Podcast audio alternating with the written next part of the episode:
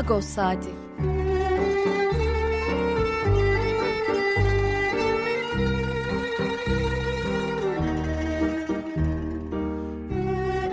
Haftalık Agos gazetesinin penceresinden Türkiye ve dünya gündemi. Agos'un mutfağından haberler, söyleşiler, olaylar.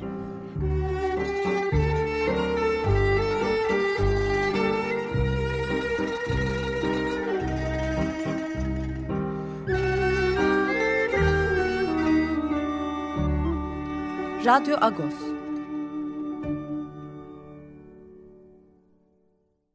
Radyo Agos'tan günaydın. Parlıyız. Ben Yetvar Tanzikyan. Bugün 4 Mart Cumartesi yeni bir Radyo Agos'ta karşınızdayız. Hangi ezgiyle başladık? Ee, bir Gomidas ezgisiyle. Rafi Besalyan, piyanist. Son dönemin e, bilinen piyanistlerinden bir tanesi. Ermenistan doğumlu büyük oranda batıda ülkelerinde e, performanslar sergiledi. Ondan bir Gomidas e, ezgisi derlemesi dinledik. Garuna, Bahar. E, Gomidas seçtik çünkü geçen haftada da duyurmuştuk.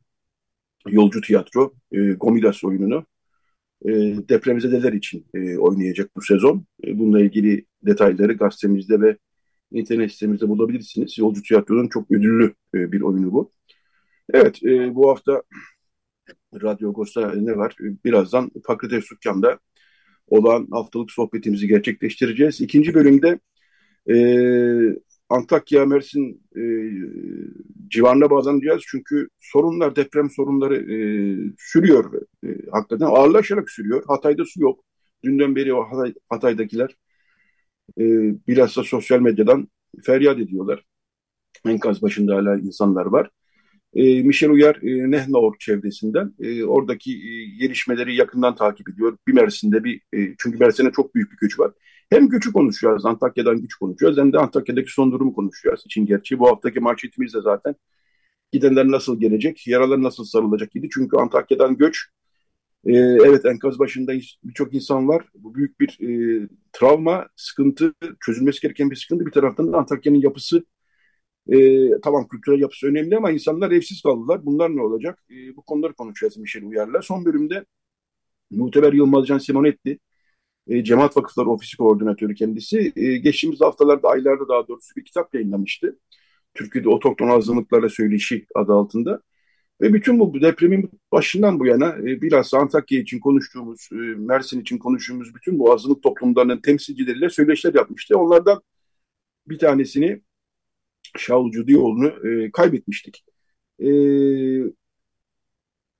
Muhteber Yılmazcan Simonitli konumuz olacak ve bu sohbetlerden bize pasajlar aktaracak. Evet, e, çok fazla e, artık oyalanmadan hemen sohbetimize, bu haftalık e, sohbetimize geçelim. E, günaydın Paket abi, Barlüs. Barlüs var, günaydın. Dün senle yarın ne konuşalım diye konuşurken e, uzun uzun e, altılı masa konusu üzerine durmuştuk. Çünkü işte Akşener, İyi Parti'nin daha doğrusu bu e, Kılıçdaroğlu adaylığına rezerv olduğu zaten belliydi. Bu konuyu konuşalım diyorduk. Öğleden sonra da bu iş e, belli oldu. Akşener masayı bir şekilde dağıtmış oldu aslına bakarsan ve Kılıçdaroğlu'nun adaylığına karşı olduğunu belli etti. İmamoğlu e, İstanbul Büyükşehir Belediye Başkanı İmamoğlu'na veya, veya Ankara Büyükşehir Belediye Başkanı Mansur Yavaş'a çağrıda bulundu. Siz aday olun demeye getirdi. Ee, şimdi bu kadar toplantıdan sonra 13 toplantı yapıldı altıda masada. Ee, böyle bir gelişme olması gerçekten siyasetin gündemine klişe bir tabiri vardır ya bomba gibi düştü derler. Bomba gibi düştü gerçekten. Genel e, hava İyi Parti'nin kendi ayağına kurşun sıktı veyahut da siyasi olarak söyleyeyim illa silahla konuşmayalım. E, intihar ettiği işte yani çok büyük bir yanlış yaptığı yönünde. Ben de öyle düşünüyorum ama bir taraftan da e, CHP yanındaki aşırı sağ yükten kurtulmuş oldu diyenler de var. E, ne diyorsun abi? Sözü sana bırakayım. E valla e, ne diyeyim yani bunu duyduğumdan beri e, hemen e, aklıma gelen şu oldu ki hiç şaşırmadım. Hiç şaşırmadım çünkü e, bu işin başındaki yanlışlıktı zaten bu beraberlik. Biz çünkü e, Meral Akşener ismini Tansu Çiller hükümetinin İçişleri Bakanı olduğu dönemdeki icraatlarıyla çok iyi biliyoruz. Milliyetçi Hareket Partisi içindeki e, fonksiyonuyla çok iyi biliyoruz. E, dolayısıyla e, onun Milliyetçi Hareket Partisi'nden ayrılıp ayrı bir parti kurma sürecini tabii ki ilgiyle takip ettik. Ne oluyor ne bitiyor diye takip ettik ama Altılı Masa'da e, sürekli bir engelleyici e, tekerleğin önünde takoz olma e, rolü üstlendiğine de hep tanık olduk. Dolayısıyla şaşırtıcı gelmedi bu aşama.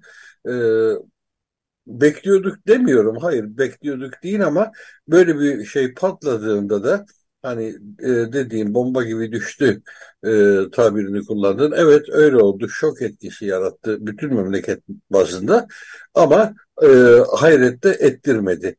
Çünkü e, gerçekten de engelleyici bir tavır içerisindeydi İyi Parti o altılı masa içerisinde ve bir de sen e, altılı masayı dağıttı kelimesini kullandın. E, o sanki çok doğru değil çünkü altılı masanın bir ayağı koptu pek pek ama beş ayak da o masayı yerinde tutmaya yetiyor. Yani bu iş, e, çekilme kararından sonra diğer parti başkanlarının yaptığı açıklama bize bunu düşündürüyor. İkincisi e, iki belediye başkanının açıklamaları da keza e, tam da senin söylediğin gibi Meral Akşener'in bir anlamda ayağına sıkmış olduğunu düşündürüyor. E şimdi ben şunu çok merak ediyorum. Seçimlerde acaba yüzde yedi barajını aşmak mümkün olacak mı Meral Hanım için? Çünkü biliyorsun kamuoyu araştırmaları alabildiğince şişiriyorlardı bu meseleyi. Ee, yüzde on dokuzlara, yüzde yirmilere, yirmi birlere kadar çıkaran kamuoyu araştırmaları oldu. İyi Parti'nin alacağı oy hesabını, oy oranını. E, şimdi bunun ne derece nasıl olacağını seçim günü göreceğiz. Eğer seçim gününü görebilirsek sonuçlar açıklanırken bu tabloyu da göreceğiz. E, barajı aşabilecek mi, aşamayacak mı? Esas ayağına sıkma meselesi o zaman çok daha net görünecek. Ee, bilemiyorum. Belki de bu bir projeydi. Ve bu proje bu saatte işlevini yerine getirdi. Türkiye'de siyaset çünkü şöyle bir özellik taşıyor artık. Ee, hatırlayacaksın. E, Cumhurbaşkanı Erdoğan mütemadiyen bir e, küçümseme, bir aşağılama e, ifadesi olarak ideolojik lafını kullanıyordu. Hatta insanlara da bunlar ideolojik diyerek e, sataşıyordu. E, öyle bir hakarette bulunmak istiyordu ama e, ideolojiden e, arınmış bir siyaset de pek mümkün değil. Aslında Meral Akşener kendi benimsediği ideolojinin gereklerini yapıyor şu anda. Şu ana kadarkiler pek normal olmayan süreçti. Şimdi yaşadığımız tam da kendi ideolojisinin gerekliliği. Oradaki tıkaç vazifesi, takoz vazifesi de ideolojik bir duruşun sonucuydu. E, şu andaki bu tavır da aynı şekilde. Yarın öbür gün Meral Akşener eğer e, Cumhur İttifakı ile flört etme sürecine girerse gene şaşırmamamız gerekecektir. Hani sen demin dedin ya siyasette her şey olabiliyor diye. Evet o zaman da şaşırmamak gerekecektir. Hakikaten her şey olabilir. Ee, işin doğrusu eğer burada e, Cumhuriyet Halk Partisi e, açığa düşmüş gibi bir pozisyona giriyorsa bunu da ideolojik yorumlamak gerekir. Sosyal demokratların kaçınılmaz sonucudur bu. Sosyal demokratlar tarih içerisinde hep açığa düşmüşlerdir. Başka bir, ee, başka bir benzetme daha var. Ee, bu da bizim dilimizden değildir ama bizde de yaygın olarak e, kullanılan bir ifadedir. Ayıyla dans etmeye kalkarsan dansın ne zaman biteceğine ayı karar verir diye bir laf vardır. Ee, burada da teşbihte hata olmaz bunları söylerken. Ee, bu politik bir ifadedir aynı zamanda. Ee, yaşadığımız şey bu. Yani bir faşistle ittifak yapmaya kalkarsan e artık bu ittifakın ne zaman nereye evrileceğini öngöremezsin. E, o anlamda ideolojik donanımlar terk edildiği için, yok sayıldığı için biz bu tabloları görüyoruz. Yoksa ilkesel duruş olsaydı, herkes ideolojisine sadık olarak bir ilkesel duruş içerisinde olsaydı, e, bu birliktelikler zaten pek mümkün olmayacaktı. Ama ne var? Türkiye'nin önünde çok önemli bir açmaz var. E, tek adam rejimi diye tanımladığımız açmaz. E, bu açmazı aşabilmek için böyle bir birlikteliklerinde olabilir olduğu varsayımı üzerinden yüründü hep. E, ortak bir hedef var. Bu sistemi e, bertaraf etmek. Bu tabii ki anlaşılır bir tutum, anlaş beklenen bir tutum. E, evet böyle bir yaklaşım gayet makul bir yaklaşım ama e, insanların bilinç altında birikmiş olan ideolojik bagajları, ideolojik refleksleri işte buraya kadar taşıyabiliyor bu işleri diye düşünüyorum. Evet, e, fakat Akşener'e yönelik CHP ve muhalif kamuoyundan e, eleştiri dalgası haklıdır. Ben de buna katılıyorum. Bir taraftan da şunu görmek durumundayız ki seçimler e, eğer bu şekilde gidecek olursa seçimlere e, Kılıçdaroğlu açısından e, biraz denklem zorlaştı. Yani İyi Parti'nin yüzde üç olsun, yüzde beş olsun, yüzde yedi olsun kaç saat bilmiyoruz. E, yani CHP İyi Parti birlikteliği sevimsiz bir birliktelik olsa da yine de seçimlerde en azından e, işleyecek bir formül gibi gözüküyor idi. Zaten o yüzden altılı masa kuruldu. Evet altılı masayı dağıttı derken tabii ki diğer beş parti duruyor ama e, oy anlamında, e, oy ağırlığı anlamında iki büyük parti öncelikle CHP daha sonra da İyi Parti'ydi. Evet İyi Parti'yi bir kere e, CHP zaten meclise soktu. Birincisi bunu hatırlamak lazım. E, yani onların grup kurmasına imkan tanıdı. Önce CHP'ye girdiler daha sonra grup kurdular hatırlanacak olursa. E, dolayısıyla seçime de böylece girebilmiş oldular 2018 seçimlerine. Yani aslında İyi Parti'nin CHP'ye büyük bir borcu var. E, bu borcun yerine git yani borcun bilinciyle hareket etmesini insanlar bekliyorlardı. E, tabii bir dalgalanmalar içerisinde gidiyoruz. İmamoğlu'na yasak geldiği zaman, e, siyasi yasak geldiği gün hatırlanacak Kılıçdaroğlu Almanya'daydı. E, Akşener koştu. Hemen meeting yaptılar Saraçhane'de. E, o zamanki Akşener figürü çok olumlu bir figürdü. Şimdiki Akşener figürü doğu haklı olarak çok olumsuz bir figür. Bu dalgalanmalar nereye kadar devam eder ben de merak ediyorum ama şu dakika itibariyle benim düşünceme göre e, seçimler için e, Kılıçdaroğlu açısından, Kılıçdaroğlu aday olacak öyle gözüküyor. Kılıçdaroğlu'nun Cumhurbaşkanı açısından durum biraz daha zorlaştı. Bunu da kabul etmek lazım.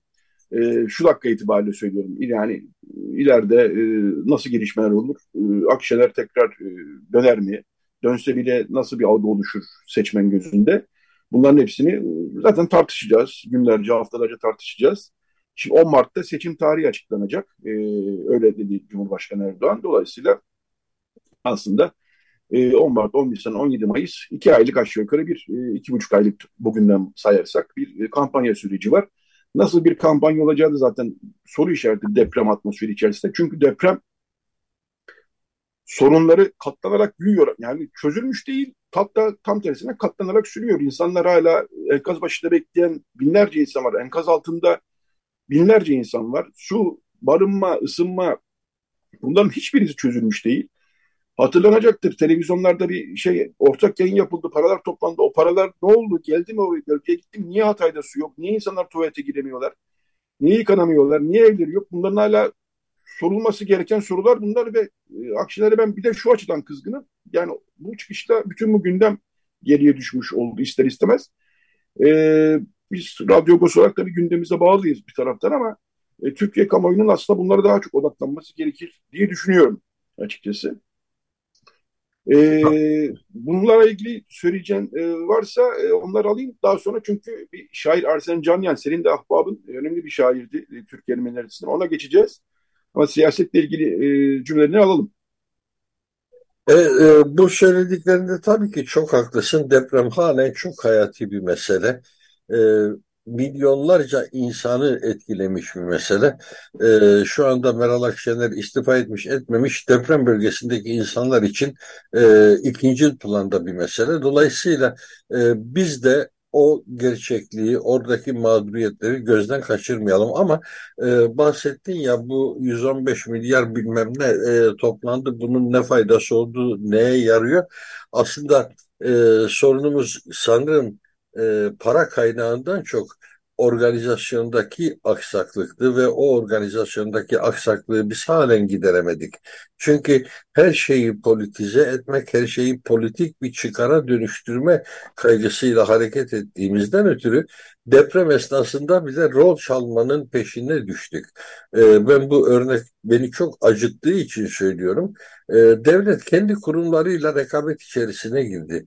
Belediye ile valiliği birbiriyle yarışır hale getirdiler belediyenin yardım e, kamyonunun önündeki afişi kaldırıp onun yerine valilik diye e, afiş asma telaşı, e, her şeyi AFAD denetleyecek denme telaşı, e, sahada AFAD çalışanlarını bundan vareste tutuyorum. E, dün ben bir yolculuk yaptım, bir taksiyle yolculuk ettim. E, taksi şoförü e, depremin ertesi günlerinde Hatay'da olduğunu, AFAD e, ekibiyle gittiğini, bir AFAD gönüllüsü olduğunu söyledi. E, AFAD'ın sahadaki elemanlarına olumsuz hiçbir şey söylemek gelmiyor benim dilimin ucuna. E, dilim yanıyor e, sahada çalışan insanlar için.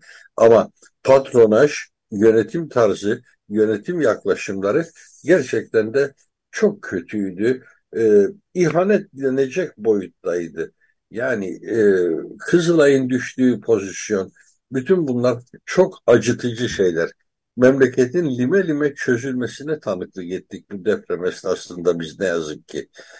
Ne yazık ki diyorum çünkü e, duygusal şeyler de var. Yani e, Kızılay örneğin duygusal bağla insanların bağlı olduğu bir kurum. Kızılay dediğinde hayırla beraber anılan bir şey. Ee, ve bunun 150 yıl önceki kuruluş süreci anlatılırken ne ilginçtir. Hiç kimse e, Marco Paşa'yı hatırlamıyor mesela. Veya diğer e, sonradan Müslüman olmuş Macar asıllı e, Kızılay gönüllülerini, aktivistlerini hiç kimse hatırlamıyor. E, Kızılay'ın kuruluş e, kadrolarına baktığımızda 155 yıl önce e, çok enteresan isimler var orada. E, Abdullah Paşa var mesela. Abdullah Paşa'ya bir bakıyorsun aslen Macar asıllıymış. Sonrasında şöyle olmuş böyle olmuş. O dönemde çok sık gördüğümüz bir uygulama bu. İnsanlar e, bir pozisyonu muhafaza edebilmek için e, kimliklerini değiştiriyorlar.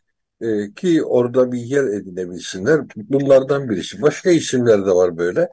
E, ve o zaman kurulan o cemiyet bugüne kadar Türkiye toplumu içerisinde hangi etnisiteden olursa olsun, hangi dini inançtan olursa olsun herkeste ortak bir kavrama dönüşmüştü. Hani e, Batı ülkelerinde Kızıl Haç nasıl bir şeyse e, biliyorsun ki bu Kızıl Haç olsun, Kızılay olsun Birleşmiş Milletler'in de tanıdığı sivil örgütlenmeler.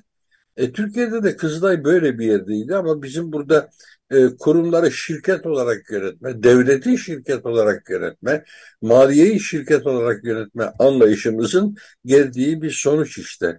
E, Kızılay'ın deprem bölgesine göndereceği çadırları e, piyasada satmaya kalkması ve oraya çadır ulaştıramaması.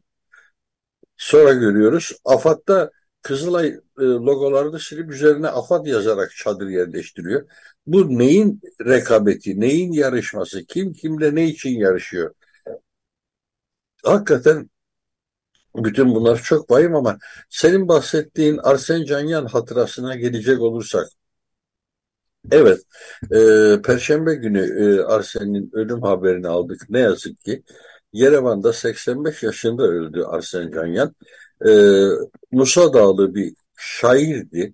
İstanbul'da eğitim görmüştü. İlkokulunu Musa'da köy okulunda okuduktan sonra İstanbul'a gelmişti. E, Tıbravank Okulu'nda okudu. O dönemde e, gelenlerin çoğu Tıbravank'ın son sınıfını okuyamadılar kendi okullarında. Bir kısmı Getronagan mezunu, bir kısmı da Mıhitaryan mezunu oldu.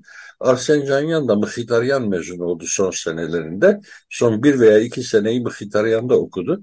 Ama Tıbravank'ın ilk öğrencilerindendi. E, köylü bir şairdi.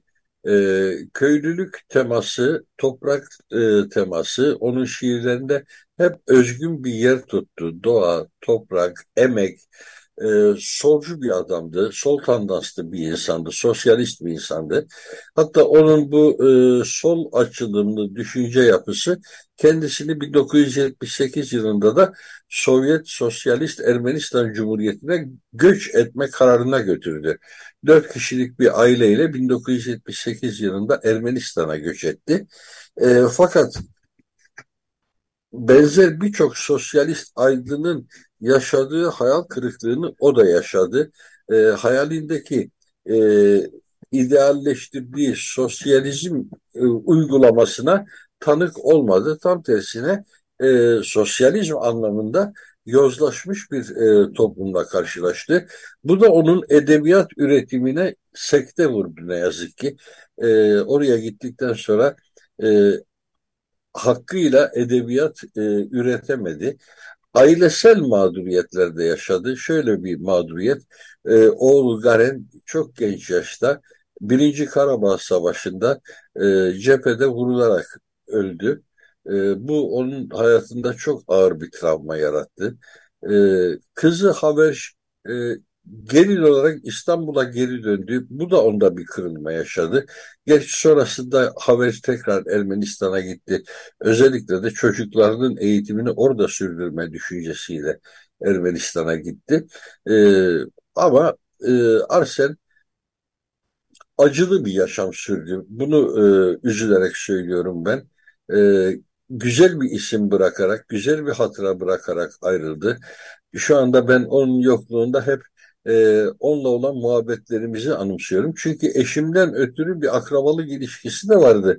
Biz Ermenistan'a gittiğimizde Arsen'i de mutlaka ziyaret ederdik Avan'daki evinde. E, çok hoş sohbetlerimiz olurdu. E, şu anda gözümün önünde canlanıyor. Ben de konuşurken bir de çok yumuşak bir konuşma üslubu vardı. Pakrat, Sirelis diyerek başlatır, başlardı anlatmaya ondan sonra meramını. Yani Pakrat sevgilim bak şu şöyle bu böyle falan. Ee, biz bu hitap şeklini ilk başta bir yadırgardık. Çünkü sevgilim başka bir çağrışımla söylenir bizde ama evet. o kadar doğallıkla bunu söylerdi ki hep bunları hatırlıyorum. Ee, üzgünüm Arsen'i kaybettiğimiz için. Bunları söyleyebilirim bu programda. Evet. E, Seda Kuyru'da başsağladı diyelim. Akrabalık ilişkisi de var. Bütün evet, teşekkür ederim. E, Marmara'nın da yazarlarından bir tanesiydi. E, dün haberi siteye koyarken e, fotoğrafını aradım. E, çok e, son zamanlardan bir tane fotoğrafı vardı ama e, eski bir fotoğrafı daha çok hoşuma gitti. E, birkaç dakika, birkaç cümle o fotoğrafı da anlatalım burada. E, Agos.com.tr'ye girerseniz eğer bir e, grup göreceksiniz. Zahrat, Robert Addeler, e, Pascal Törenli, e, Arsen e, Canyan, e, Onlik Fıcıcıyan, bu Pangaltı Lisesi'nde Yetişenler Derneği'nin kültür komisyonu muhtemelen 70'lerin ortaları gibi gözüküyor ya da 70'lerin başları gibi gözüküyor. Yani o kuşak gerçekten e, şimdi derler ya hep öyle bir kuşak bir daha gelmez gibisinden ama sanki o kuşak e, Robert Addeler ne, ne mutlu ki sağ e, yazıyor hala ama diğerlerinin hepsini kaybettik. E, o kuşak gerçekten çok e, benzersiz bir kuşaktı değil mi? Öyleydi, evet. Ee, edebiyat anlamında da Batı Ermenicesi edebiyatının, İstanbul'un bu edebiyattaki öncü rolünün e, belki de onlar son temsilcisi oldular bir kuşak olarak. E, bugün de İstanbul'da halen edebiyat e, yapan Ermeniler var ama Ermenice edebiyat yapanlar oldukça daha az. E, yoksa hem serbest e, yazanlar hem e, vezinle yazanlar var, şairlerimiz de var düz yazı ustalarımız da var ama e, onlar bir kuşak olarak, bir grup olarak e, daha etkin bir isim bıraktılar arkalarında ve evet 1940'lı yıllarda gençliklerini yaşayanlar diyeceğim neredeyse 1920'lerde 30'ların başlarında doğanlar e, artık yaprak dökümü yaşayan bir jenerasyon oldular. Aralarından birçoğu zaten ebediyete göç etti e, Arto Cümbüşyan'ı hatırlıyorum mesela. Zare Krahuni edebi adıyla yazıyordu. Veya Zare Yaldızcan, Zahrat keza öyle. E, çok önemli insanlardı. E, İlk Sarı Aslan nispeten daha genç bir kuşağı temsil ediyordu. Omnik Fıçıcıyan dedin. O da genç yaşta aramızdan ayrılan bir isim oldu. Arsen de o kuşağın bir ismiydi. Ee, birkaç kişi daha vardı ama onlar bu bütünün içerisinde biraz daha solda durdular. Biraz daha aykırı durdular. Ee, Haygazun Kalustyan, Derviş Cancikyan gibi isimler. Ee, ama evet kuşak olarak bugün artık bir gruptan bahsetmek çok mümkün olmayacak ne yazık ki. Evet Fakret abi bu haftada haftalık olan sohbetimizin sonuna geldik. Çok teşekkürler. Ağzına sağlık. Ee, Rica ederim. Böylece almış olduk. Bu bölümün sonunda şarkı çalacak vaktimiz kalmadı. Birazdan e, deprem bölgesine döneceğiz. Michel Uyar konumuz olacak. Çok teşekkürler Fakret abi. İyi bir hafta Rica ederim. Sana. İyi yayınlar diliyorum sana da Yetvat. Ben izlemede kalacağım. Teşekkürler. Evet dediğim gibi bu bölüm için e, bu bölüm sonunda genelde bir şarkı çalardık ama e, gündemimiz yoğundu. Dolayısıyla bu bölümü bir şarkıyla kapatmıyoruz. Doğrudan reklamlara gidiyoruz. Dönüşte e, dediğim gibi e, deprem bölgesine döneceğiz. Michel Uyar konumuz olacak. Radyo Agos devam ediyor. Radyo Agos. Evet Radyo Agos devam ediyor kısa bir reklam arasından sonra. E, şimdi bu bölümde deprem bölgesine döneceğiz ve depremin en büyük hasar yarattığı, hem insani hem de maddi olarak büyük hasar yarattığı İskenderun Antakya e, bölgesine e, bağlanacağız. E, Michel Uyar, Nehna e, sitesinden, inisiyatifinden e, Michel Uyar ve e, Nehna e, aslında Antakya Ortodoks kültürünü tanıtmak için e, daha çok kurulmuş bir siteyken depremle birlikte müthiş bir faaliyet içine girdi. Anna Maria Beyluni olduğunu da e, bundan 2-3 hafta önce konuk etmiştik hatırlayacaktır Radyo Agos dinleyicilerimiz ve Agos okuyucularımız. E, şimdi oradaki sorunlar tabii sürüyor. Bu hafta da biz e, Agos'ta konuyu manşetten işledik çünkü e, evler yıkıldı, insanlar göç ettiler, e, nasıl dönecekler, evler ne olacak e, gibi bir sorun var. Daha da en az onun kadar önemli bir sorun. İskenderun'da, Antakya'da e, depremzedeler açısından e, çok zor koşullar var. Henüz yani bir ay geçti. Pazartesi günü bir ay olacak. E, depremin üzerinden bir ay geçmiş olacak ve insanlar e, hala barınma, ısınma e, sorunlarını çözebilmiş, hijyen sorunlarını çözebilmiş değiller. Michel Uyar e, bölgede e, insani yardım faaliyetlerini ilk günden bu yana sürdürüyor. E, günaydın Michel Bey. Merhabalar, günaydın hepinize. E, şu an siz sanıyorum İskenderun'dasınız değil mi? Evet, İskenderun'dayım ben şu anda. E, şöyle başlayalım isterseniz. E, önce genel bir tabloyla başlayalım. Biz şimdi dün akşam e, Hatay'da su yok. E, sosyal medyadan nasıl diyeyim feryatlarını işittik ve depremden bir ay sonra hala bu sorunlarla uğraşıyor olmak gerçekten çok can sıkıcı ve üzücü. E, nedir durum genel tablo açısından? Barınma, ısınma, kış aylarındayız. E, depremzedelerin yani göç edenleri konuşacağız ayrıca ama göç etmeme gereği duyanlar ve orada kalma gereği duyanlar açısından durum nedir? Tabii ki. Ya e, öncelikle su konusundan bahsedeyim size. Şimdi bölgede e, su hala çok zayıf. E, yani çeşme suları, şebeke suları çok zayıf ve e, hala içilmemesi ya da kullanılmaması yönünde uyarılar var. Bundan dolayı insanlar içme sularını veya işte yemek yapacakları suları e, hazır şişelenmiş sulardan kullanıyorlar. Depremin ilk günlerinde e, evet birçok tır konte şey tır geldi, su e, tırları geldi ama şu anda su tırları e, ortak bölgelere gelmiyor. Çadır kentlerde bile insanlar kalırken su bulmakta zorlanıyorlar. E, ben çalışma yaptığım kiliseden biliyorum. Yani bize geçen hafta e, bir tır su gelmişti.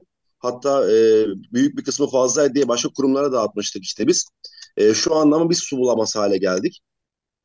E, dışarıdan buralara tır bazında eşyaların gelmesine problem olduğu için su da getirtemiyoruz. Ancak böyle belki bireysel çabalarla insanlar küçük kamyonetlerle kendi bulundukları e, toplu yaşadıkları ortamlara su getirebiliyorlar ama e, hakikaten ciddi bir sıkıntı. E, bu aynı sıkıntı Antakya ve Samandan'da da ciddi oranda var. Hatta Samandan'daki çeşme sularının çamurlu olduğunu da duyduk. O şekilde de bilgi aldık. Yani tamamen kullanılmaz durumda.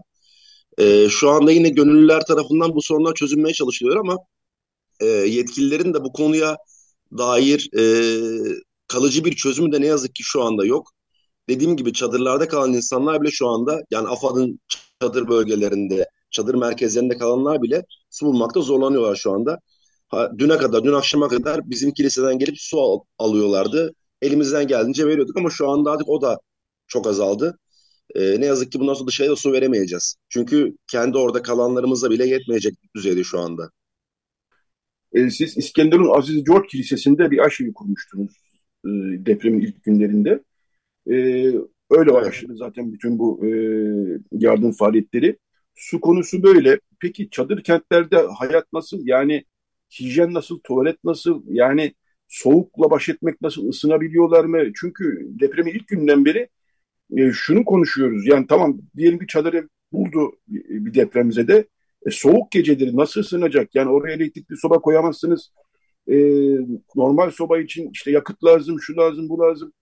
E, bu, bu anlamda sorunlar e, çözülmemiş gibi gözüküyor. E, sizin gözlemleriniz neler? Evet haklısınız. Ee, öncelikle şunu belirteyim. Çadır kentler var doğru. Ee, sayıları yeterli mi bilmiyorum tahmin edemiyorum. Çünkü gidip birçoğunu gezemedim.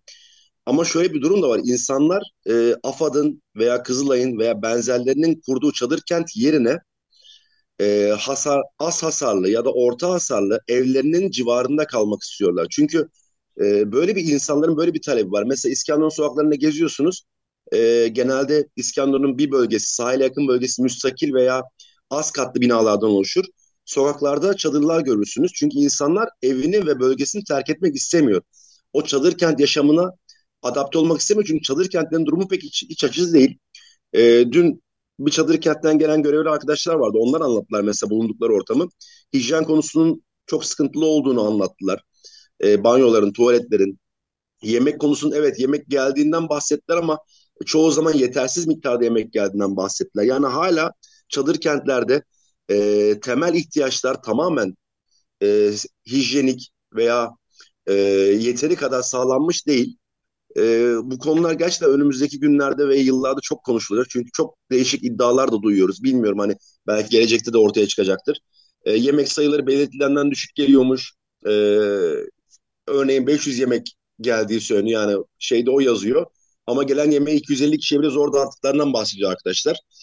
E, ne yazık ki çadır kentlerin durumu böyle. İnsanlar da bunu gördüğü için evlerine yakın bölgede ikamet etmek istiyor. Çünkü gündüz en azından diyor ki Evime giderim, e, lavabo ihtiyacımı, işte e, belki yemek pişirme ihtiyacımı karşılarım.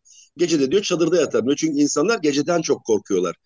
E, evinde kalmak istemiyor. Evi hasarsız da olsa evinde kalmak istemiyor ki bunda da haklılar. E, sürekli ufak da olsa büyük de olsa sağlantılar oluyor. E, kimisi bu riske tekrar girmek istemiyor. En azından diyor gündüz diyor hızlıca diyor işimi yaparım diyor ve gece de çadırımda evimin yakınındaki evimin önündeki çadırda kalırım diyor. Zaten bu da e, aslında AFAD için ve diğer yetkililer için e, pek tercih ettikleri bir durum değil. AFAD herkesin gelip kendi çadır kentlerinde kalmasını istiyor. Ama böyle bir gerçekte yok ne yazık ki. Özellikle e, açık alan, bahçeli olan, e, ne bileyim e, biraz daha kırsal bölgelerde oturan insanlar için e, mümkün değil. E, olmaması da lazım zaten. Yani o insan oraya geldiğinde bu sefer çadır kente geldiğinde çadır kente yük olacak. Ama siz ona en temel ihtiyaçlarını sağlarsanız e, çadır kentlerine bu yükten kurtulmuş olacaksınız. Ama ne yazık ki böyle bir anlayış yok. Evet E, yani e, gelelim şeye biz kilise... buyurun, Ha, buyurun. buyurun. Yok, siz Yok buyurun buyurun. Peki e, gelelim şeye ilk günlerdeki kilise yani e, yardım konusuna geçeceğim. Eğer sizin söyleyeceğiniz bir şey varsa burada söyleyeyim ben yardım konusuna geçeyim ilk Yok günlerdeki. sizi destekleyen bir şey söyleyecektim. Yani insanlar bir ay geçti. Banyo yapmayan insanlar var. Tuvaletlerine giremeyen insanlar var. Kadınlar açısından görüyoruz. Mahremiyet diye bir şey söz konusu. Mahremiyet kalmamış durumda. Yani e, dediğiniz gibi sizi destekleyen bir şey söyleyecektim. Ben duyduklarımı, gördüklerimi ancak e, söylüyorum. E, yani çadır kentler bir çözüm olamadı. Hijyen açısından, su açısından e, bir çözüm olamadı ve insanların evlerine hiç olmazsa görerek e, kalmaları, yani girmeleri belki tehlikeli ama e, bu durumda ne yapacaklar? Tuvalet yoksa evindeki tuvalet kullanmayı tercih etmesi de anlaşılır bir durum. E, diye sizi destekleyen bir şey söyleyecektim. Ben sözü tekrar size Evet, bırakayım. evet, evet. Yani şunu da ekleyeyim ben. Bir de e, insanlar çadır kente geçtiğinde e, sanki e, yaşam alanını terk etmiş oluyor ve oradaki bağ kopmuş oluyor. Ama adam ve o, o aile, o kişi e, çadırını evinin yakınına kurduğu zaman evet düzensiz de olsa o hayatla bağ aslında devam ediyor. Komşuluk ilişkisi devam ediyor, e, eş dost ilişkisi devam ediyor. Bir moral oluyor ona e, insanlarla buluştuğu zaman ama çadır kentlerde ne yazık ki bunlar pek mümkün değil. E, gelelim şey hani biz ne yaptık depremin ilk günlerinde?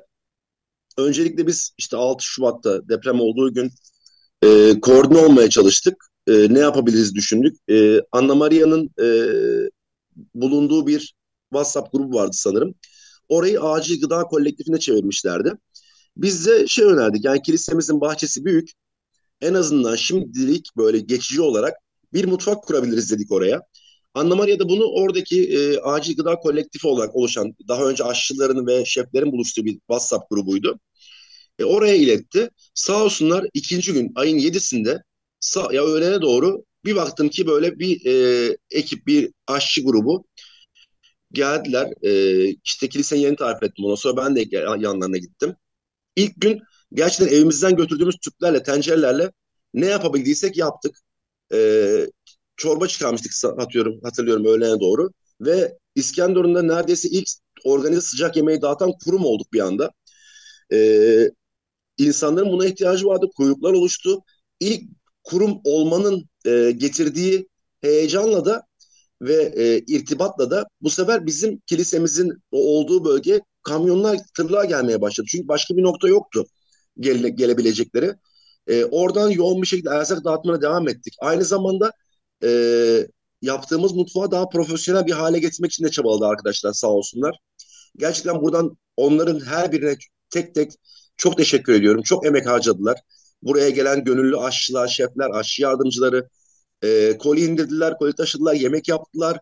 Yani başımıza gelen kazalarla uğraştılar. E, hepsine çok teşekkür ediyorum. Çok büyük emekleri vardır bu e, yapılan işlerde. Daha sonra biz her geçen gün e, üretim kapasitemizi arttırdık. Günde 3 öğüne çıkardık ve 3 e, öğün 3 çeşit yemek çıkarmaya başladık. E, en son aldığım bir yani zirvedeki rakamımız şu oldu. Biz bir günde neredeyse 4000 kişiye 3 öğün yemek dağıtabildik. İlk günler hep kapı önü dağıtımı yapıyorduk ama daha sonra e, belli noktalara yani iki, üçüncü, dördüncü günden sonra belli noktalara e, mobil ekipler kurduk. İşte arabayla kaplarımızı dolduruyorduk, götürüyorduk oraya. Orada insanlara ihtiyaç olanlara dağıtıyorduk yemekleri. E, sonra tekrar işte sabah götürdük, akşam üstü tekrar gidiyorduk ikinci yemekleri vermeye. Kapları alıyorduk vesaire bunlar yıkanıyordu. Gerçekten insanüstü bir çaba vardı. E, bu şekilde e, kilisemizin alanını verimli bir şekilde kullandık. Binlerce insana orada sıcak e, bir yemek verebilme koşulunu sağladık. E, en azından ilk günlerde yapabildiğimiz buydu. Ama şöyle bir problemimiz vardı bizim de. Kilisemiz yani Aziz George Kilisesi de depremden zarar görmüştü ve bir tehlike barındırıyordu. Biz eşyalarımızın birçoğunu kiliseye koymuştuk. Hatta aşçılarımızın bazıları kilisede kalıyordu. Sonra kiliseyi kullanmama kararı aldık depremlerden dolayı. İyi ki de zaten o kararı almış 6.4'ten sonra daha fazla hasar gördü e, kilisemiz ve 6.4'ün olduğu gün biz oradan yemek dağıtımını taşıdık. Çünkü e, herhangi insan sirkülasyonunu azaltmamız gerekiyordu oradan yıkılma ihtimaline karşı. E, yemek olduğu da zamanda insan sirkülasyonu bitmiyordu. Bundan dolayı başka bir alan taşıdık. Oradan hala arkadaşlar kendileri e, yemek dağıtımına ve mobil servislere devam ediyorlar. Biz de en azından ilk e, 15 gün kadar e, insanların bu ihtiyacını karşılamanın gönül rahatlığı içerisindeyiz. Evet, e, yani hakikaten büyük iş yaptınız. E, tebrik etmekten daha fazla bir şey elimizden gelse onu da yapalım. E, e, zaten her türlü e, destek vermeye çalışıyoruz. E, Radyo olarak, Agos gazetesi olarak.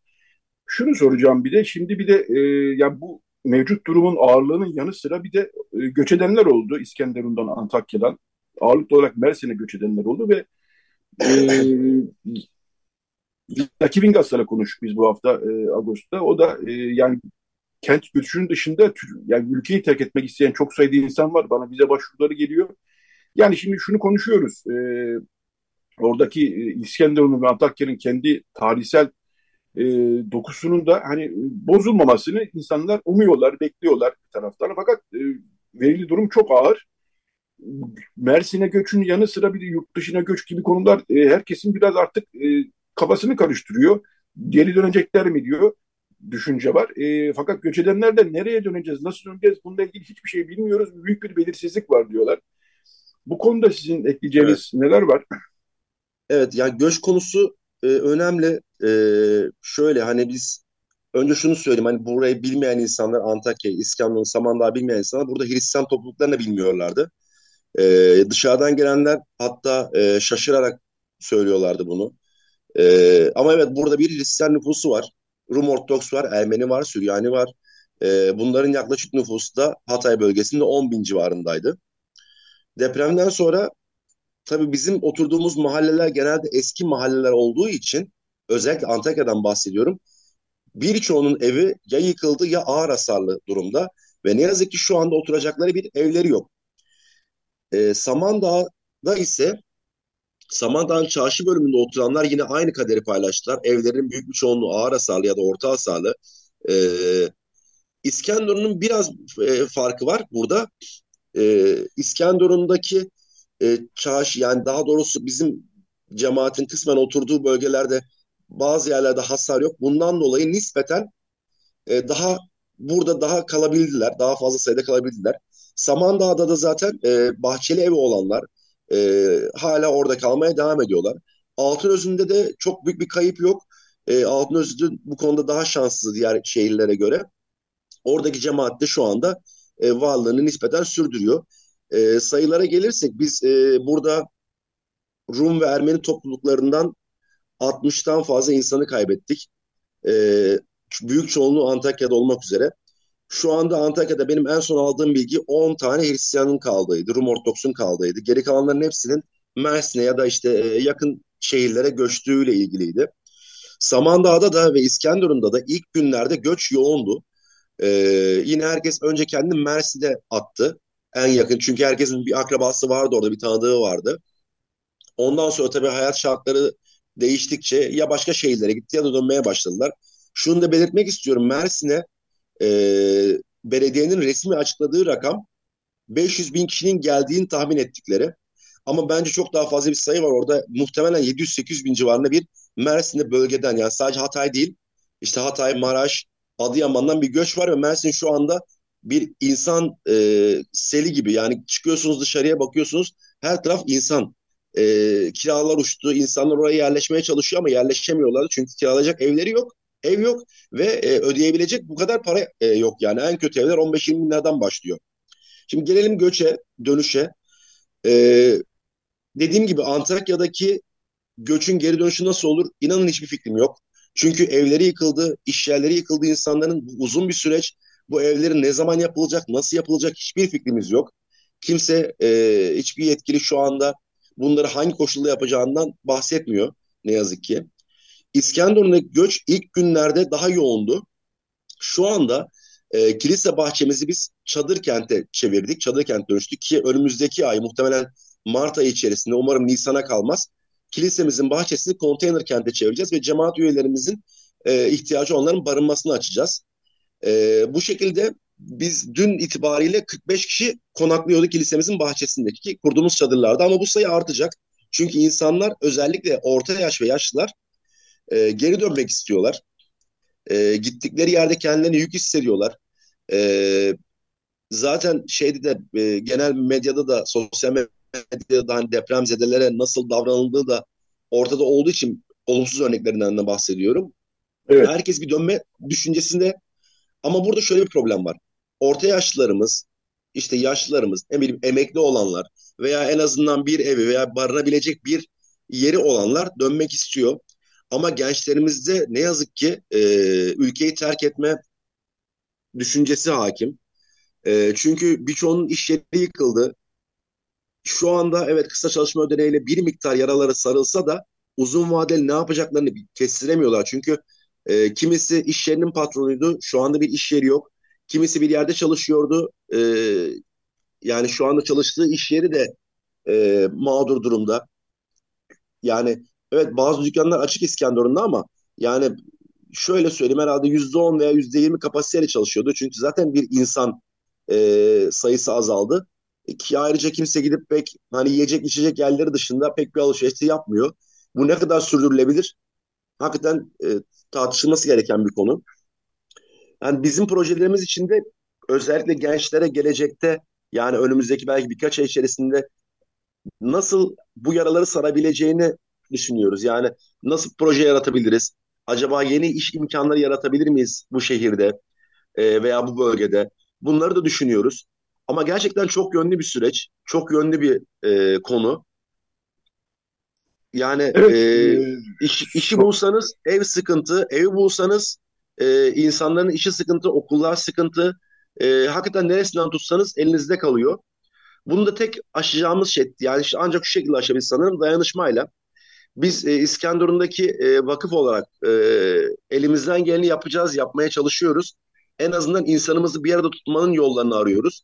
Dediğim gibi bu e, konteyner kentte bir moral oluyor, e, moral olacak. Şu anda orada kalan insanlar da inanın e, belki tek başlarına kendi evlerine ya da çadır kentte kaldıkları zaman çok moralsizlerdi ama ne zaman ki bizim çadır kente geldiler, yerleştiler. E, şu anda en azından orada insanlar daha moralli. E, tırnak içinde söylüyorum günlük hayatına devam edebiliyor. Yemekler pişiriyorlar. İşte e, dün mesela kilisede bir ayin yapıldı kilisenin bahçesinde. E, normal hayata dönmek istiyorlar ama tabii bu dediğim gibi çok yönlü bir şey. E, işle, iş ortamı, ekonomik sorunlar çözülmezse ne kadar sürdürülebilir tahmin etmek güç. Özellikle gençleri burada tutmak için bizim e, hani temelli bir ekonomik program yaratmamız da gerekiyor. Hep beraber el ele bunu çözmeye çalışacağız. evet Michel Bey, e, şunu da sorayım. E, Alo. e, evet evet e, pardon. Şunu da sorayım. E, şimdi geçen hafta e, bir sosyal medyada bir görüntü yayınlandı. İşte İskenderun'da oluyor. E, işte bir grup e, işte İslamcı mı diyelim, nasıl diyelim, hoca kılıklı iki kişi. E, işte burada Hristiyanlar e, yemek dağıtıyorlar, çok da güzel yapıyorlar. Bizim buralarda olmamız lazım, buraları boş bırakmamamız lazım. Bunlar özel eğitimli insanlar e, gibi bir tür hedef gösterdiler. E, bu sizin kiliseniz değil, öyle anladık biz zaten. evet. Konuştuk da e, sizinle. Hı. Başka bir Hristiyan grubun e, kurduğu bir aşevinden bahsediyor ama sonuç değişmiyor. Yani Hristiyanların orada e, yemek dağıtmasından bile rahatsız olan insanlar var belli ki. E, siz peki e, oradaki çalışmalarınız sırasında bir sıkıntıyla karşılaşıyor musunuz? Karşılaştınız mı? E, bu tip şeyler sizi tedirgin ediyor mu? E, onu da söyleyeyim size. Yani şöyle e, dediğiniz gibi o olay bizim e, alanımızda olmadı. E, İskenderun'da mı? O da emin değilim. Antakya'da olabilir, İskenderun'da olabilir. Çok yeri çıkartamadık çünkü biz çok baktık o videoya, yeri çıkartamadık. Ama burada şöyle bir durum var. E, biz Rum Ortodoks Kilisesi olarak bunları yaptık ama bizim dışımızdaki e, cemaatlerden de bu yardımları yapanlar, Protestan grupları bu yardımları yapa- e, yapıyor. E, Ermeni cemaati kısmen yine bu yardımları yapıyorlar, bunları yapıyorlar. E, yeri tespit edemedik ama sorun yer değil zaten. Sorun oradaki zihniyet sizin de belirttiğiniz gibi. E, biz açıkçası İskenderun'da Zaten İskenderun'da veya Antakya'da veya Samanlı'da fark etmez. Böyle bir e, tepki zaten almadık. Al, geçmişte de almadık. Bugün de bireysel yani bize gelen bir tepki olmadı. Ama İskenderun'u bilmeyenler ya da buradaki toplulukları bilmeyen insan, dışarıdan gelen ve burada bir art niyet arayan insanlar e, işte çektikleri videolarıyla böyle bir şey paylaştılar. Biz e, burada ilk günlerde bir sıkıntı yaşadık ama sıkıntı bizim kimliğimiz değildi. Sıkıntı genel olarak ilk gün, ilk iki gün özellikle erzak olmamasıydı. Dediğim gibi ilk biz burayı açtığımız ilk yer olduğumuz için bütün tırlar bizim buraya geldi. Biz dağıtımını yaptık. Bundan dolayı bir zorluk yaşadık. Ama bu bizim kimliğimizle alakalı değildi. Çünkü insanların aşıya ihtiyacı vardı, insanların erzağa ihtiyacı vardı. Ve biz de bunu özellikle bizim kilisenin karşısında jandarma karakolu var. Onlarla işbirliğiyle yaptık ve çok da güzel yaptık. Ee, hiçbir insandan orada böyle bir tepki almadık. Ama sizin de belirttiğiniz gibi yani bu insanlar dışarıdan geliyorlar. Ee, ne yazık ki her iyi niyetin art- altında, iyiliğin altında kötülük arayan kötü insanlar sanırım. Bizim yaptığımız veya bizim e, çevremizdeki insan yaptıklarını da bu şekilde değerlendirdiler. Biz de buna e, bu videoyu gördükten sonra biz de hani videolar yayınladık. Ve bir anda gelen destek çığ gibi büyüdü. Biz şaşırdık yani ben çok şaşırdım. Ee, bu kadar bir desteğin olması beni çok mutlu etti. Demek ki dedim hani doğru işler yapıyoruz, iyi işler yapıyoruz ve insanlar da bu işleri görüyorlar. Daha sonra zaten e, bir daha öyle bir ne video çekildi ne video yayınlandı. E, İskenderunlu olanlar, Antakyalı olanlar veya Samandağlı olan Hristiyanların dışındaki topluluklar da bizi iyi tanırlar. Yardımlaşmamız, dayanışmamız sürekli bakidir onlarla. Sünni olsun, Alevi olsun, e, veya diğer topluluklar olsun hepsi bakidir. Çünkü biz bu e, taşın altından beraber kalkacağız. El ele vermezsek, e, birbirimizin elinden tutmazsak biz bu taşın altında, bu enkazın altında hep beraber eziliriz. Buradaki buralı insanlar bunu biliyorlar. Ama e, tabii dışarıdan gelenler ve bu işin altında bir e, kötülük arayanlar ise yine bildiğiniz gibi e, bu şekilde videolar evet. çektiler ve bizi hedef olarak gösterdiler yani. E, son birkaç dakikamız bu bölüm için Michel Bey. Şunu da söyleyeyim ben size. Tabii binalar yapılır yeniden. E, mühim olan candır. E, ama yine de e, bu deprem vesilesiyle yani 6 Şubat ve 20 Şubat sarsıntılarından sonra dini yapılar e, epey hasar gördü. Şimdi Aziz George Kilisesi İskenderun'daki hasarlı vaziyette. Tamamen evet. yıkılan kiliselerle var sanıyorum. Antakya'daki Tabii. merkezdeki o kilise e, tamamen yıkıldı bildiğim kadarıyla. Kiliselerin e, veyahut da diğer dini yapıların cemevlerinin diyelim ki e, durumu nedir? Birkaç e, cümleyle anlatabilir misiniz mümkünse? Tabii şöyle söyleyeyim. Bizim İskenderun'daki Aziz İlyas Kilisemizin ön cephesi tamamen yıkıldı. E, normalde yıkım kararı var ama tekstil yapı olduğu için orayı onarım gerekecek. Orayı yeniden yapacağız. E, Süryani Ortodoks Kilisesi'nin çatı ve arka bölümü yıkıldı.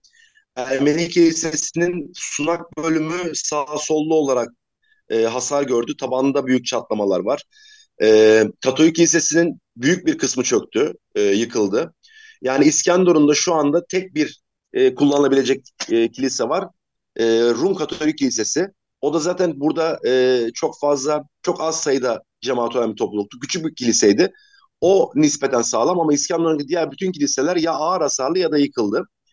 E, Antakya'da iki büyük kilise, e, bir hem Rum Ortodoks Kilisesi hem de Protestan Kilisesi tamamen yıkıldı. Samandağ'daki bütün, pardon bir kilise hariç hepsi hasarlı. İki tane kullandığımız ana kilisemiz e, ağır hasarlı, diğerleri çatı hasarı, kule, e, çan kulesi hasarı gibi. E, Ermeni Kilisesi'nde de Samanlı'daki Ermeni Kilisesi'nde de hasar var. Oranın da ciddi bir e, tadilata girmesi gerekecek. Altınözü'ndeki bir kilisemiz tamamen yıkıldı. Diğerinde ise yine e, hasar var. Şimdi bu yapıların büyük bir kısmı tescilli yapı olduğu için öyle kafamıza göre de yapamıyoruz. Yapamayız. Zaten yapmayız da onu kültürel bağımızla, tarihimizle, hafızamızla tekrar yaparız. Ve ne yazık ki bunların hem yapım süreci çok uzun olacak e, tescilli varlıklar olduğu için hem de e, çok büyük maliyetler gerekecek. E, inanın şu anda evet ilk derdimiz insanların barınması ama ikinci derdimiz de bu kiliselerimizi, bütün bu kiliselerimizi nasıl yapacağımız. Zorlu bir süreç bizi bekliyor, uzun bir süreç bizi bekliyor. E, umarım yine dayanışmayla bunları e, çözeceğiz. E, dediğim gibi şu anda İskenderun'da tek küçük bir kilise var sağlam kalan, hasarsız olan. Onun dışındaki bütün kiliseler ortaya da ağır hasarlı. Diğer şehirlerde aynı. E, dün dediğim gibi biz kilisemiz olmadığı için bahçede yaptık e, ayinimizi. Sanıyorum bir süre daha açık alanda yapmaya devam edeceğiz. Umarım en kısa zamanda tekrar kiliselerimizi yapıp bütün topluluklar evet. olarak e, yeniden kiliselerimizi e, kullanıma hayata geçireceğiz. Evet, insanların ibadet ihtiyacı da var çünkü. E, her ne kadar evet. can önemlidir desek de binalarda bu anlamda önemli. E, evet, çok şunu da belirteyim, lafınızı böldüm, Tabii, özür buyurun. dilerim. Dün mesela e, kilisede ufak ayinden sonra insanlar daha da kendine geldiler, moralleniyorlar, mutlu oluyorlar. Çünkü e, hayatta tutunduğunu hissediyor. Bir moral oluyor kendisine. E, çok önemli şeyler bunlar. Umarım diğer yerlerde bu tür e, çalışmalarını yapmaya başlarlar. E, çünkü hakikaten toplumu ayakta tutan şeylerden bir tanesi de bu. Birlikte olma anlayışı, birlikte olma hissiyatı. Evet, e, çok teşekkür ediyorum Michel Bey. Size kolaylıklar diliyorum. Michel Uyar konuğumuzu Nehna.org sitesinden ve oradaki bütün yardım çalışmalarının son durumu, su sıkıntısı, hijyen sıkıntısı, barınma sıkıntısı Hepsini anlattı. E, ağzınıza sağlık e, Michel Bey. Size kolaylıklar diliyorum. Size ve herkese kolaylıklar diliyorum. E, Çok teşekkürler. Tekrar teşekkürler yayına katıldığınız için. Ağzına sağlık. Sağ olun. İyi günler. Teşekkürler. Evet bu bölümü de bir şarkı çalmadan bitiriyoruz. E, gündem yoğun çünkü. Şimdi hemen bir reklam aramız olacak. Reklam arasından sonra da e, Muhteber Yılmazcan Simonetti konumuz olacak. O da e, gene bölgeye dair kültürel anlamda e, çalışmalarından bahsedecek. Evet, Radyo Gos devam ediyor. Radyo Agos. Evet, Radyo Agos devam ediyor. Bu son 2-3 haftadır farkındasınız. Çok şarkı çalmıyoruz. Gündemimiz çok yoğun çünkü. Şarkılar da zaten daha böyle ağır e, ritimli şarkılardan seçiyoruz ama e, onlara da e, çok sıra gelmiyor. Çünkü hakikaten yoğun bir gündemle, ağır bir gündemle karşı karşıyayız. Şimdi bu bölümde Muhteber Yılmazcan Simonetti konumuz. Muhteber Yılmazcan Simonetti biz Cemaat Vakıfları e, Temsilciliği Ofisi e, koordinatör olarak tanıyoruz uzun yıllardır. E, bir kitap yazdı geçen aylarda. E, Türkiye'de otokton azınlık toplumlarıyla söyleşiler, e, az kitabın ismi. E, kitap Muhteber Hanım'ın e, zaten içinde olduğu bir dünyanın aslında söyleşilerle e, biraz vücuda gelmiş hali. Çok ilginç ve önemli bir kitap gerçekten. Çünkü Cemaat Vakıfları temsilciliği, e, Vakıflar Genel Müdürlüğü'nde bir e, sandalyesi var Cemaat Vakıfları'nın.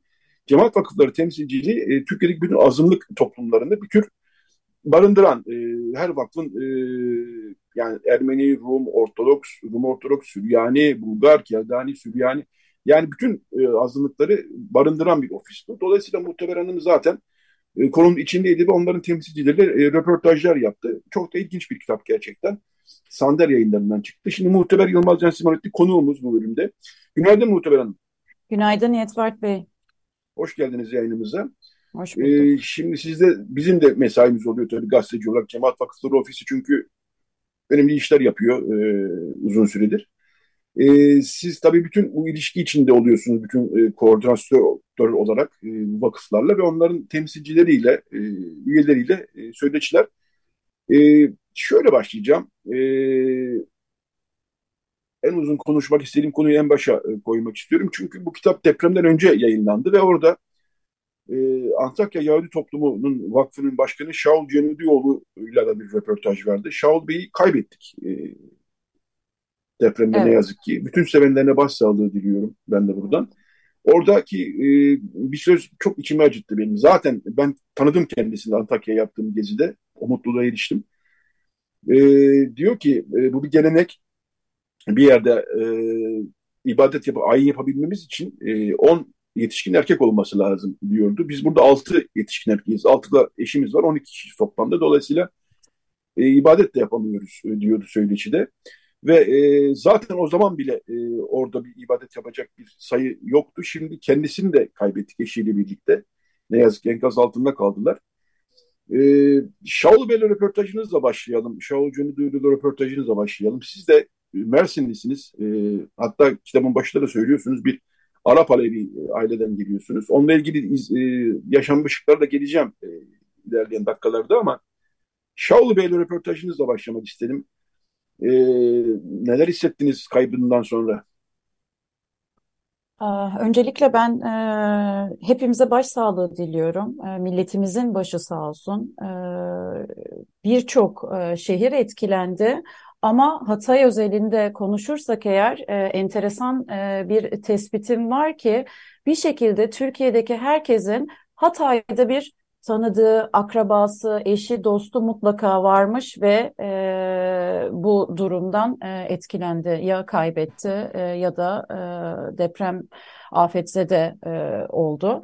O yüzden hepimizin e, başı sağ olsun. E, hayatta kalanlara da kolaylıklar diliyorum. Dayanışmanın çok öne çıktığı önemli bir süreçten geçiyoruz.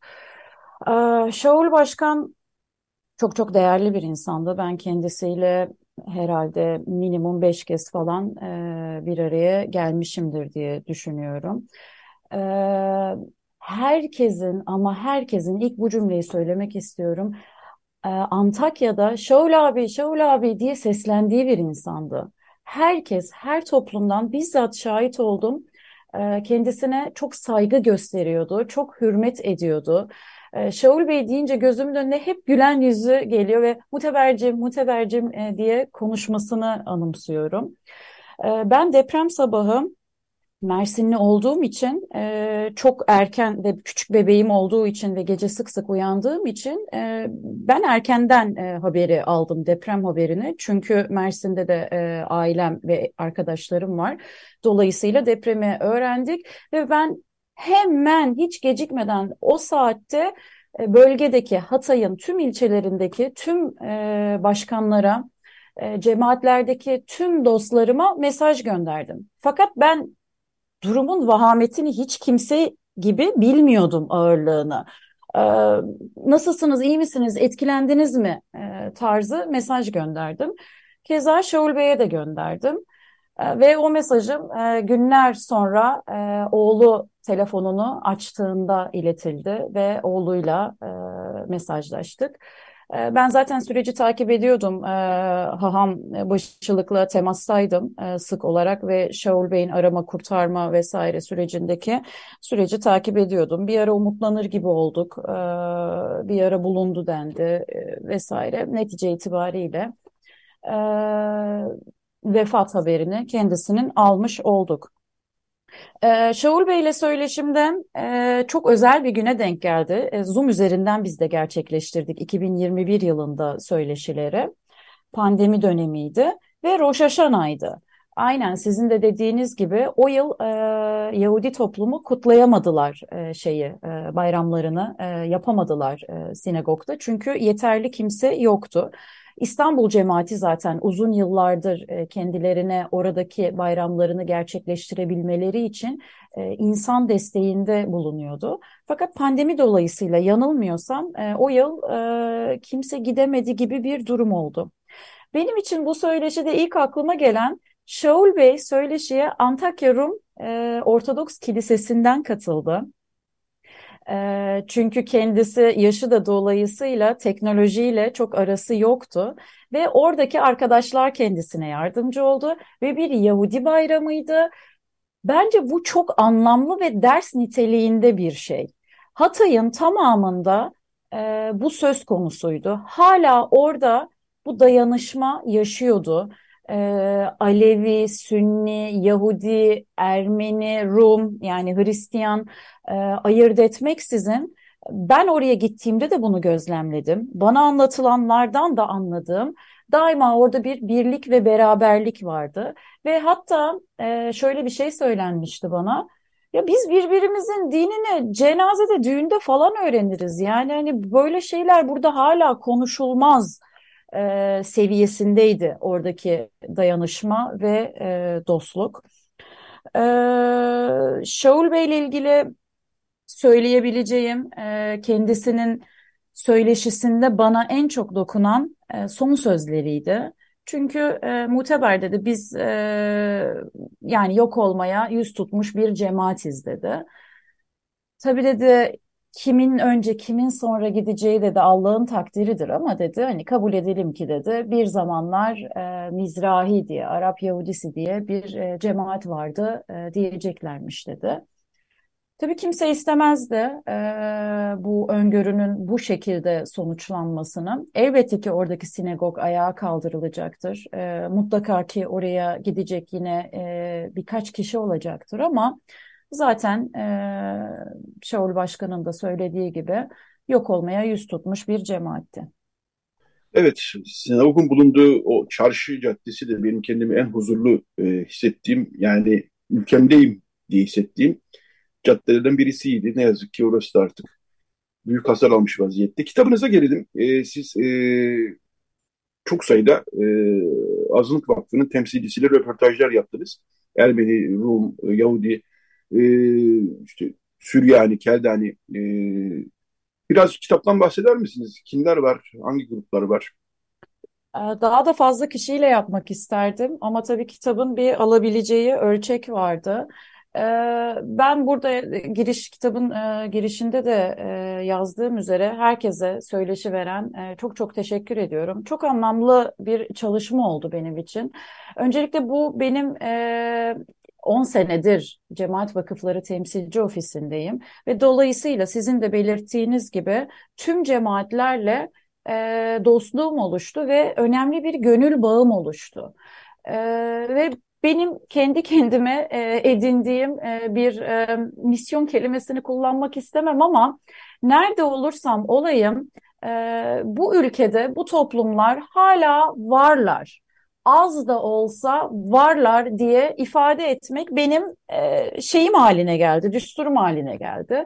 E, ve de yer yer e, mecbur kalırsam eğer yanlış bilinen bilgileri e, düzeltmek gibi. Çünkü sizin iyi bildiğiniz üzere bu toplumlarla ilgili e, birçok e, farklı e, teoriler, e, yanlış e, anlaşılmalar vesaire çeşitli sebeplerden e, dolaşıyor e, çeşitli kaynaklarda. E, kitabın fikri aslında e, pandemi döneminde oluştu. E, çalışmış olduğum temsilcilerden e, biriyle sohbet ederken e, bir şekilde ya böyle bir şey yapsam mı falan e, dedim. Yürü muteber dediler. Sağ olsunlar e, eski temsilcilerimizin tamamı da e, bunu e, yapmamı arzu ettiklerini belirttiği için böyle bir çalışmaya e, giriştim. Benim için kitabın en önemli tarafı, evet kitaptaki birçok insanın e, bazı yerlerde söyleşileri söz konusu. Evet e, azınlıklarla ilgili e, gerek akademik e, gerek benim gibi e, birçok kişinin kaleme aldığı çalışmalar söz konusu. Ama tüm bu farklı toplumların kendi ağızlarıyla bir arada oldukları yegane çalışma bu. E, zaten amacım da buydu e, hiçbir yere söyleşi vermeyi kabul etmeyen kimseler de sağ olsunlar bana güvendiler ve söyleşi verdiler. Bu benim için e, tarifi olmayan bir mutluluk. Çünkü neden? Demek ki bu güveni, bu dostluğu gerçekten yakalayabilmişim, sağlayabilmişim.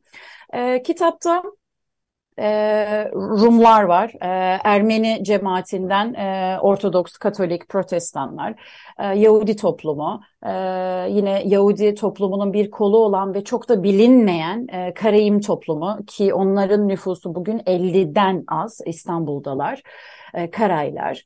Ee, Hatay bölgesindeki e, toplumlarımız, oradaki e, Antakya Rum Ortodoks e, Vakfı Başkanı, e, Vakıflı Köy e, Başkanımız, Yahudi Cemaati oradaki başkanımız, Mardin, Midyat vakıflarımız, atladığım Gürcü, Bulgar, Keldani, Süryani Katolik, Süryani Ortodoks, tüm bunların vakıf başkanlarıyla söyleşiler gerçekleştirdim. Ve e, hepsi de sağ olsunlar sorularıma e, samimiyetle cevap verdiler. Yine benim için kitapta e, önemli bulduğum hususlardan biri yakınlığımıza dayanarak çünkü tüm bu insanları ben tanıyordum. E, dolayısıyla sorduğum e, sorulardaki e, samimiyetimi e, bileceklerine inandığım için filtresiz sorular sorabilme şansına sahip oldum. Ve karşımdaki e, mülakat veren de e, filtresiz cevap verdi ve bu benim için çok değerliydi. Kitapta benim için e, değerli olan bir de bu vardı. İzmir Yahudi Cemaati Başkanı'yla sadece daha önce tanışmıyordum. E, bu vesileyle tanıştım Zoom üzerinden. Daha sonra İzmir'deki bir e, konferansta bir araya geldik ve tanıştık. E, diğer hepsinin uzun yıllardır tanıdığım, e, yüz yüze de e, birçok kez defalarca bir araya geldiğim kimselerdi. Evet, çok ilginç, önemli bir kitap gerçekten. Elinize sağlık. Ben de e, parça parça okuyorum. E, çok e, atlıya atlıyor okuyorum işin gerçeği. Çünkü daha çok merak ettiğim insanlar var. Önce onlardan başlayayım diyorum gibi. Ama hakikaten Sander yayınlarından Az kitabın ismi. Türkiye Otokton Azınlık Toplumlarıyla Söyleşiler kitabının alt başlığı da. E, son birkaç dakikamızda da şunu konuşmayı düşündüm. Kitabın girişinde söylüyorsunuz siz çünkü. Kendiniz e, biraz bahsetmişsiniz. Mersinli bir Arap Alevi aileden geliyorsunuz ve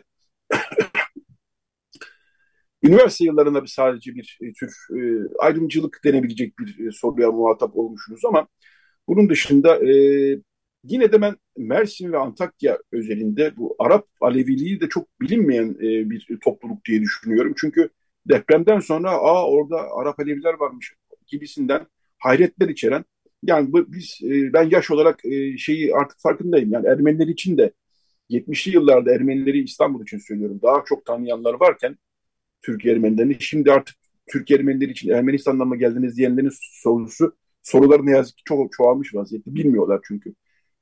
Bu anlamda e, Arap Aleviliği de çok e, bilinmeyen bir grup.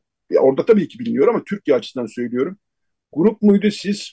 Bu tip e, neler yaşadınız bu anlamda? Birkaç cümlede rica edeceğim gerçekten. Çünkü çok uzun bir konu olduğunu biliyorum ama siz seçerek aktarırsanız sevinirim. Ee, Yetvart Bey, siz bunu söylerken gülümsettiniz beni. Ee, bir gün bana ne dediler biliyor musunuz? Ee, Suriye kökenliyim deyince, e, siz bu Ermenistan'dan mı geldiniz olayı deyince, tabii çok üzülüyorum. Bunu söyleyen insanların da yani talihsizlik. Ya birazcık okumalı insan, birazcık nerede yaşadığını, bu toprakların evveliyatını, bir, bu bir sorumluluktur. İnsanlar bunu bilmeli. Ben buna kültür demiyorum. Bilmeliyiz bunu. Ee, ben Suriye kökenliyim dediğimde bana e, savaşla mı geldiniz dediler. Ben bunu, bu kulaklar bunu duydu yani. Evet. Ee, bir kere savaşla Aleviler gelmedi. Ee, bunu da söyleyeyim. Ee, savaşla göç edenler arasında Alevi yoktu. Ee, Arap Alevileri yani Nusayriler evet e, içine kapanık bir toplumdur. Ne dini çok bilinir ne e, onlara dair çok bilgi e, bilinmez. E, o yazan onlarla ilgili kitaplar da tam olarak bilgi içermez. Çünkü toplum içine kapanık bir toplumdur. Ee, biz e, köken olarak e, Suriye kökenliyiz ve e, yerleşik olarak Mersin ve Antakya'da bulunuyoruz. Ee, kökenimiz oraya yani Mersin ve Antakya. Yüzyıllar öncesinde oralara göç etmiş atalarımız ve e, Mersin'in yerlilerinden dediğimizde e, direkt e, Arap Alevileri, oradaki yine biz e, Arap Ortodoks e, diyoruz ama e, kendilerine Arap dili Rum Ortodoks demeyi tercih ettiklerini ben e, bu kitap dolayısıyla öğrendiğim için hataya düşmeyeceğim. Oradaki Rum toplumu. Biz bunları biliriz e, yerli dediğimizde Mersin'de özel olarak ilk bunlar e, öne çıkar. Benim enteresan bir şekilde tabii iş dolayısıyla ilk Hatay bölgesine seyahat gerçekleştirdiğimizde temsilcimizle Toros Bey'le gitmiştim. Sonra Morris Bey'le son olarak da e, Can Bey'le ve ara ara başka etkinlikler dolayısıyla da gittiğim oldu. Ee, ben orada kendimi çok evimde hissettim. Ee, kan çekiyor herhalde bilemiyorum. Ee, oradaki e, özellikle Peder John var bilirsiniz oradaki Peder evet. John. Ee, onunla sohbetlerimde kendi dinimi ben ondan dinledim açıkçası. Çünkü bizde din e, kadınlara da öğretilmez. O yüzden herhangi bir şey anlatamayacağım ben size. E, bunun Anladım. sebebini sormayın. Ben bunu yabancı Anladım. kaynaklardan e, okuyup anlamaya çalışıyorum açıkçası. E, o yüzden de zaten e, baktığınızda Nusayri toplumuna, e, Nusayri kadınlarına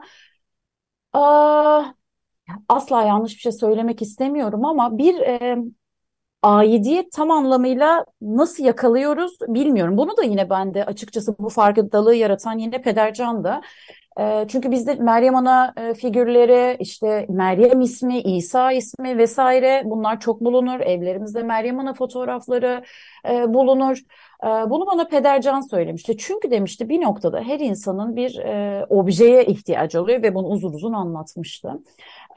Sizde de kadınların dinden uzak tutulmasından dolayı ee, bir şekilde e, bunlara daha çok e, bu objeleri taşıma eğilimleri olabiliyor diye bu aslında dediğim gibi çok şey konusu. Benim asla yanlış bir şey ifade etmek istemediğim kesinlikle de e, uzmanlığım olmayan bir konu olduğu için bu şekilde belirtmişti.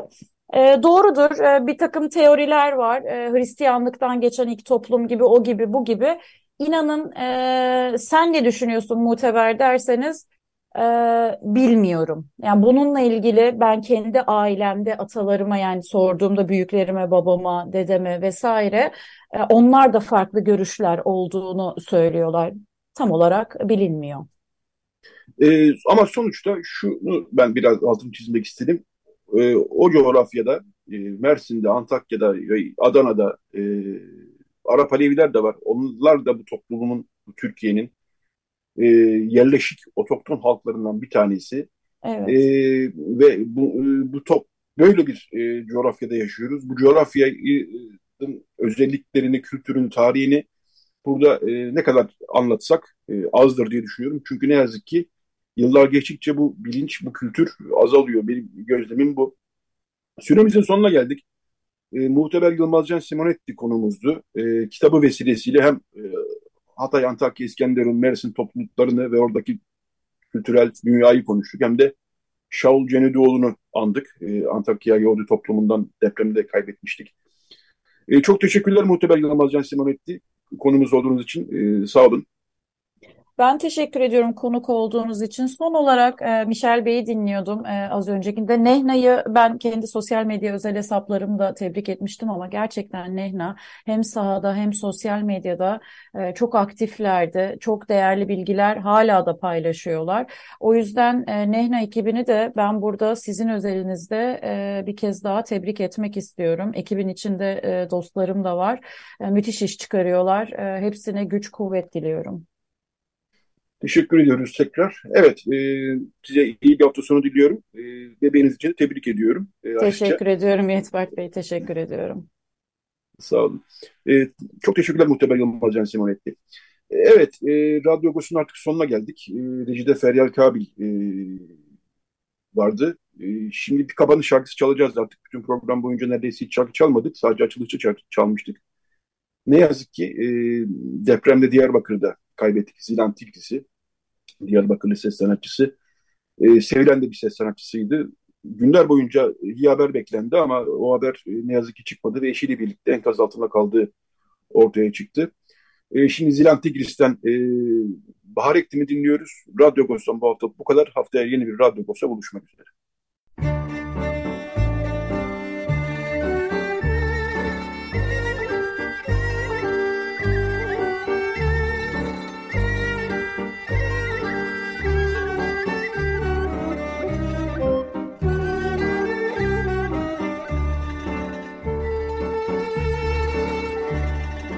Agos Saati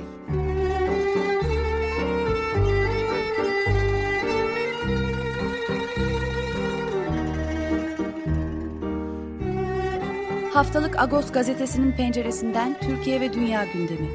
Agos'un mutfağından haberler, söyleşiler, olaylar.